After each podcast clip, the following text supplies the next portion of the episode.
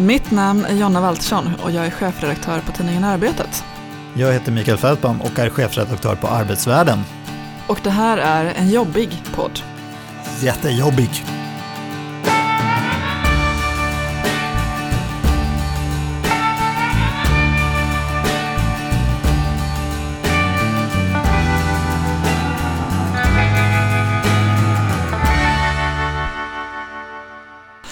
Ha, hur är läget? Jo, men det är bra. Eh, jag känner att vi har många nya lyssnare kanske på den här podden. Den är ju typ ny. Och då så kanske vi måste förklara, jag känner att jag måste förklara vad arbetsvärlden är eftersom vi blev citerade som arbetarvärlden av TT häromdagen. Det heter alltså arbetsvärlden. Ja, jag? Innan jag jobbade på arbetsvärlden trodde jag också att det var affärsvärlden. Vi har ett jättejobbigt namn. Ja, ja, ja, men det är ju- det är TCOs tidning som går ut framförallt till makthavare faktiskt och opinionsbildare och journalister om arbetsmarknadsfrågor för tjänstemännen. Just det, men jag blir ändå lite glad att ni också blir förväxlade, för det händer ju mer än, än ofta att eh, arbetet förväxlas med arbetaren. Och vi är ju absolut inte arbetaren, utan vi går ju ut till LO-förbundets förtroendevalda.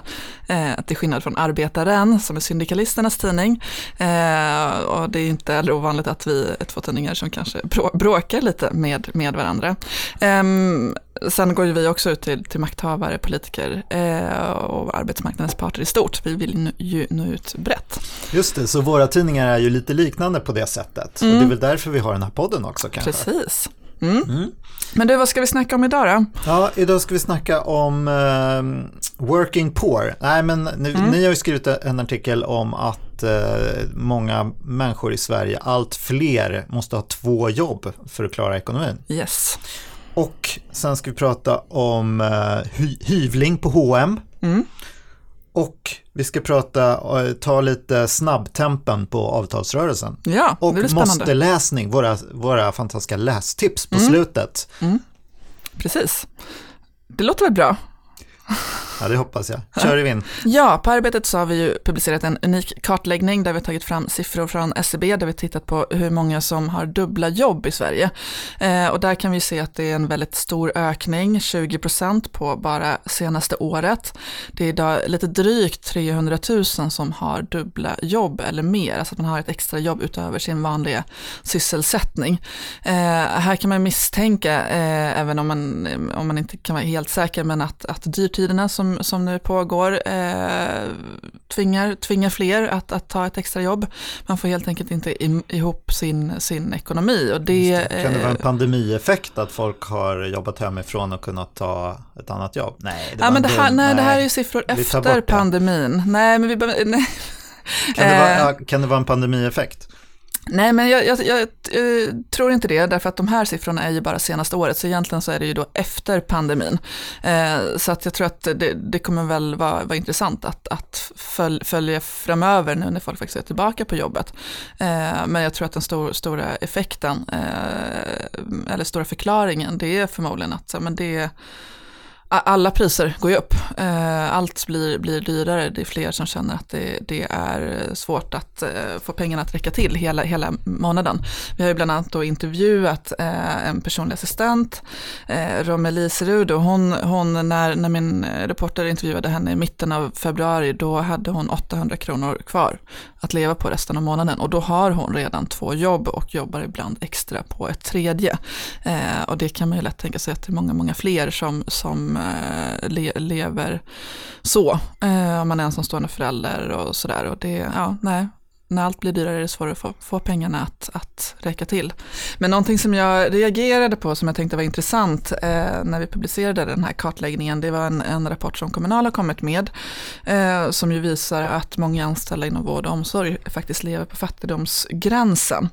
Eh, att var sjunde som, som jobbar heltid tjänar mer än tjänar mindre än 22 000 kronor i månaden. Och då kan man ju också lätt tänka sig att nej, men om du redan, redan nu lever på fattigdomsgränsen men, men eh, inflationen fortsätter, priserna fortsätter upp, ja men då kanske du också någonstans tvingas ta ett extra jobb. Så. Och på sikt så är ju inte det, jag menar det är inte bra för den egna hälsan. Eh, Ramelie Serudo som, som vi intervjuade, hon är ju 42 år gammal och känner redan att hon, hon börjar bli utsliten.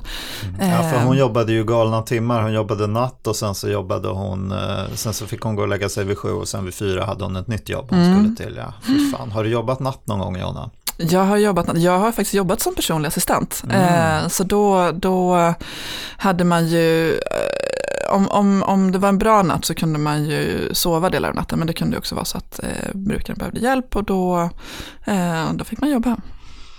Jag har också jobbat som eh, spärrvakt. Gud vad roligt att få prata om det här. Va? Ja, har du? Det har ja, jag också. Ja, det var somrarna under en period.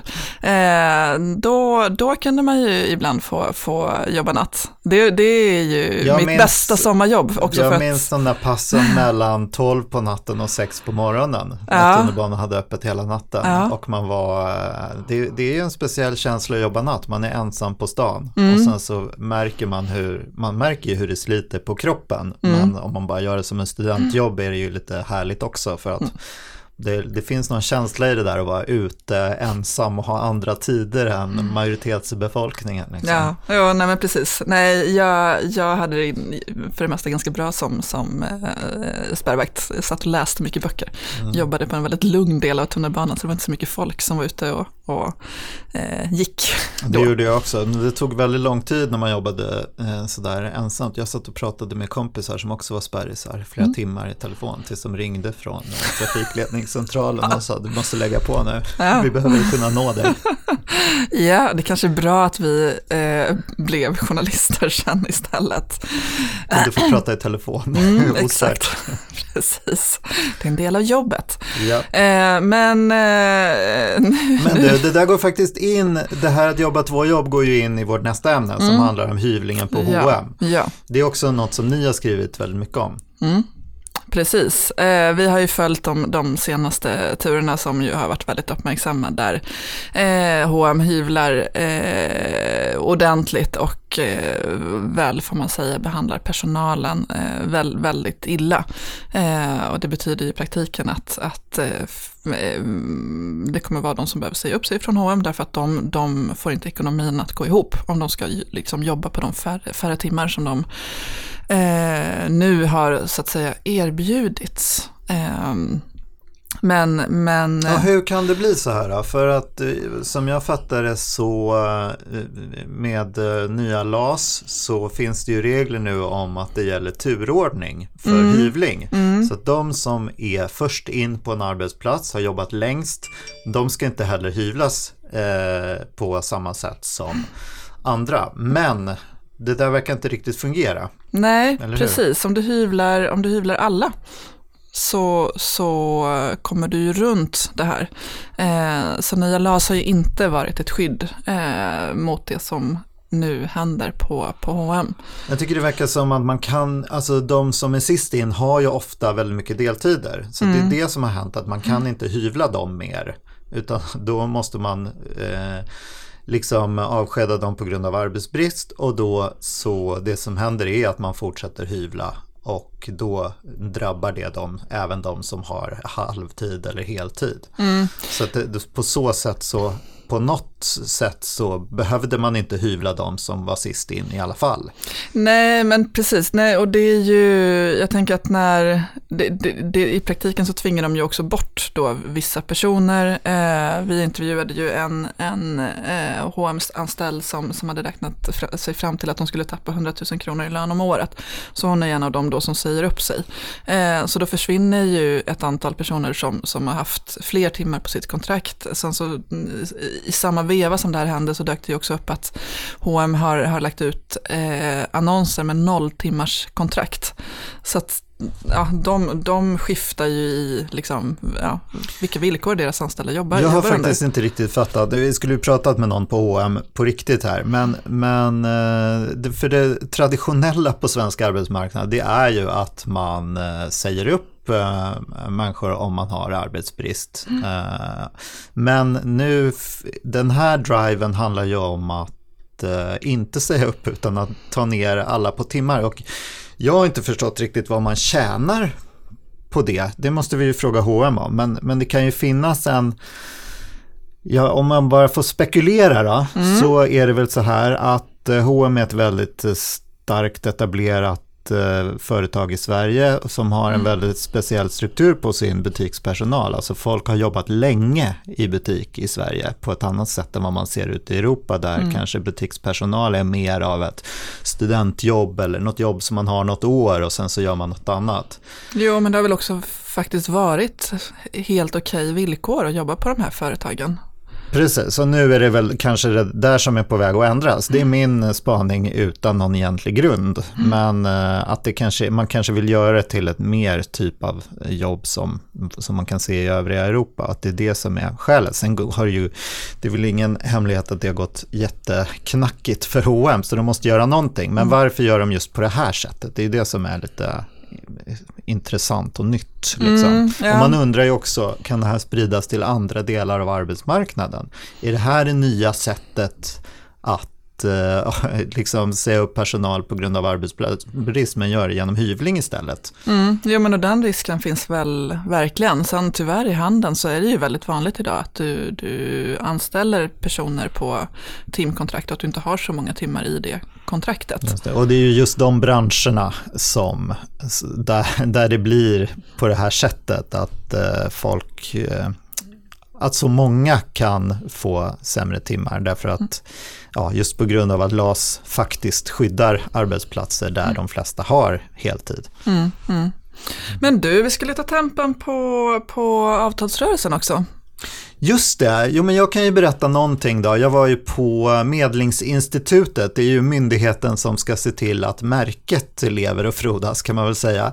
Eh, de hade ju en sån här årlig eh, lönebildningskonferens igår när de samlar eh, egentligen parterna som förhandlar om avtalen nu och Eh, skapa lite trevlig stämning och se till att alla ska vara på gott humör och komma överens och följa den svenska samförståndsandan.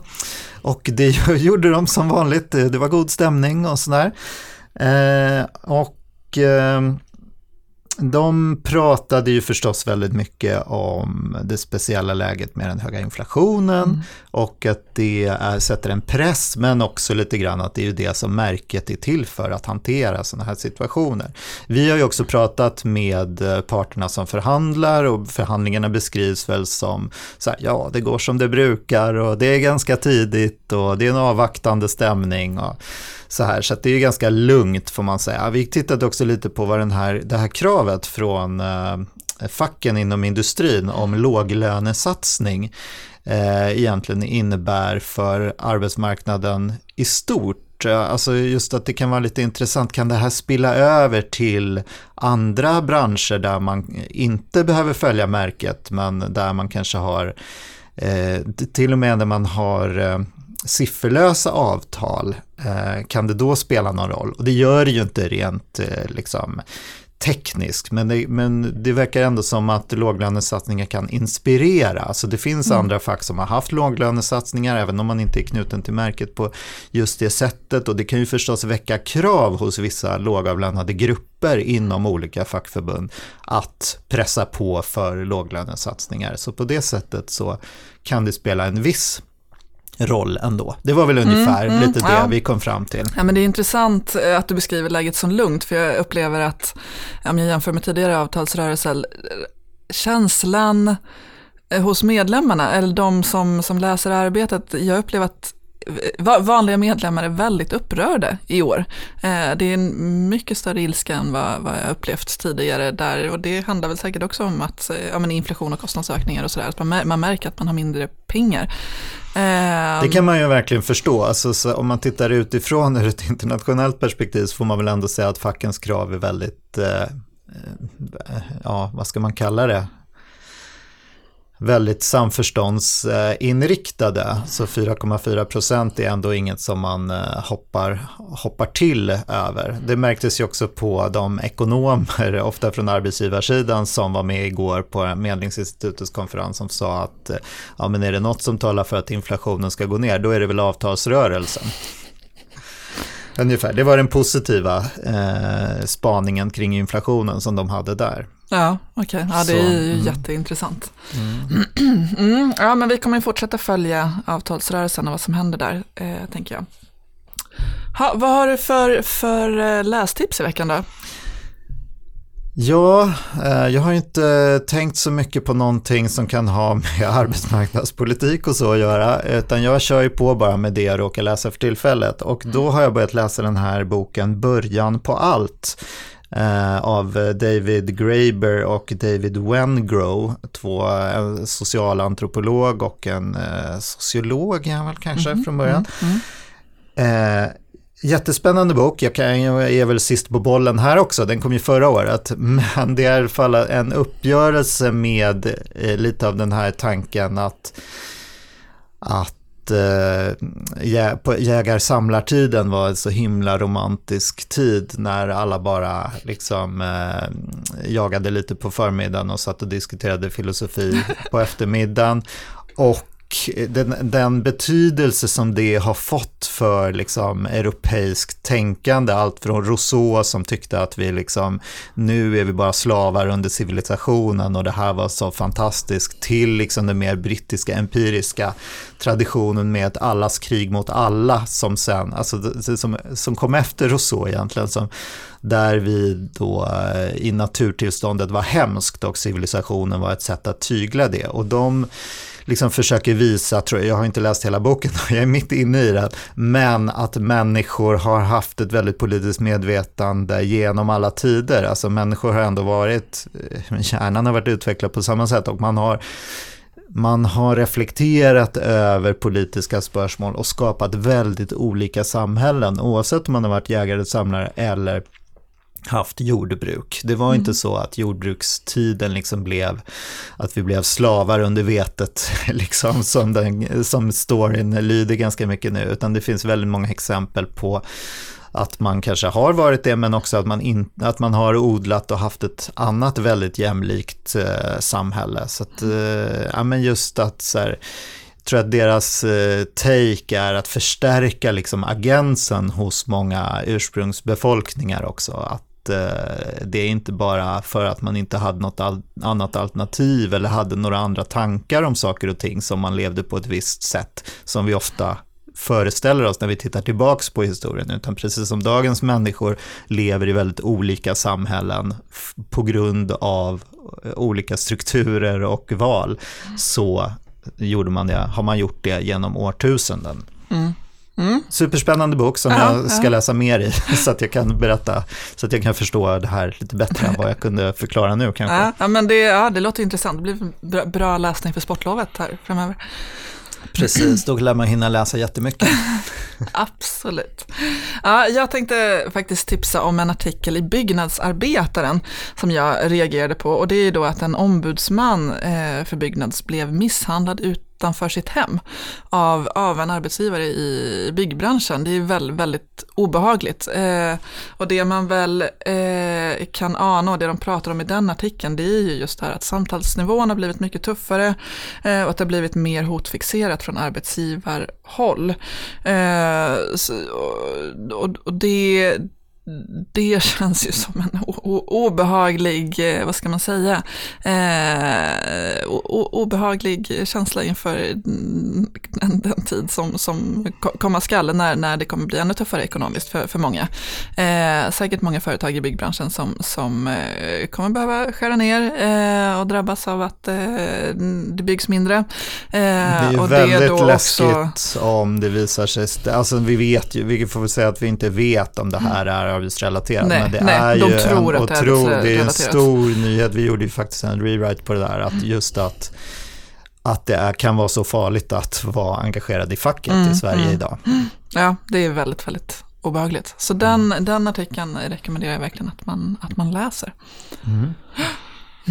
Ja, det Jaha. var allt för idag. Så hoppas jag att vi ses och hörs snart igen.